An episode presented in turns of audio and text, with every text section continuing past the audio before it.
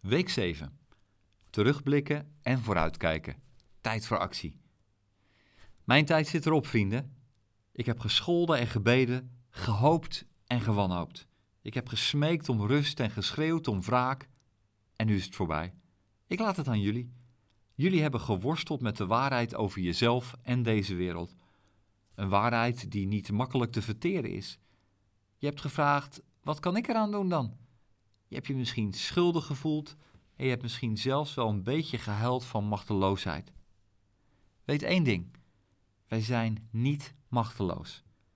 Want die God waar ik jullie over vertelde, die de wereld heeft gemaakt en die met pijn in zijn hart ziet hoe wij er een bende van maken, die God is genadig. Die God sluit iedereen die het anders wil doen in zijn hart. Die God geeft iedereen die verlangt naar verandering de kracht om te beginnen. Hij wil niks liever dan een veranderde wereld. Kijk, degenen die zweren bij hun machtspositie, die hun oren dichtstoppen als ze iets horen over dwangarbeid en uitbuiting, die mensen zullen op hun neus kijken. Die zullen ooit eens door de knieën gaan en zich realiseren hoe slecht hun keuzes eigenlijk waren. Maar jij, jij die droomt van iets dat rechtvaardig is, jij die het liefst vandaag nog wil beginnen, weet dat je de steun in de rug hebt van een alleskunner, de machtige, de geest van God zelf. En begin dan maar gewoon met kleine dingen. Even langs oma in het verpleeghuis of op de koffie bij de buurvrouw. Het goedkope vlees in de schappen laten liggen, maar kiezen voor een vegetarisch recept. In plaats van nieuwe kleding te kopen, een kledingruilfeestje te organiseren.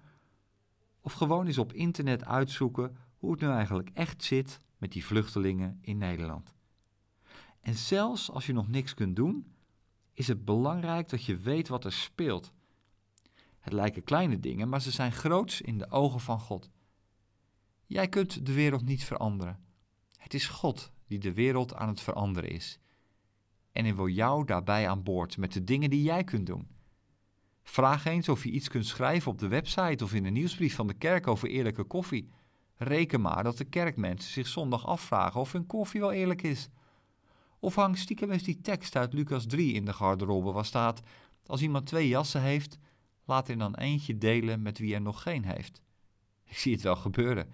Ik ga jullie wel volgen. Ik ben zo benieuwd hoe jullie gaan proberen om zelf te veranderen en anderen te inspireren. Ik ben een oude ziel die al zo lang meegaat, maar ik heb er zin in. Want er is zoveel mogelijk. En weet dit, jullie zijn door God uitgekozen, apart gezet, omdat Hij gelooft dat het in jullie zit. Hij vertrouwt jullie. Geef elkaar tips, stimuleer elkaar. God ziet de kleine plannetjes die nu nog rijpen in je hoofd. Plannetjes die je misschien eerst nog even aan de kant schuift, want ja, moeilijk, moeilijk. Maar die je uiteindelijk toch echt gaat proberen, omdat je bent gaan geloven in God, in Jezus, in Zijn koninkrijk, in een andere wereld. Zet hem op en tot ziens.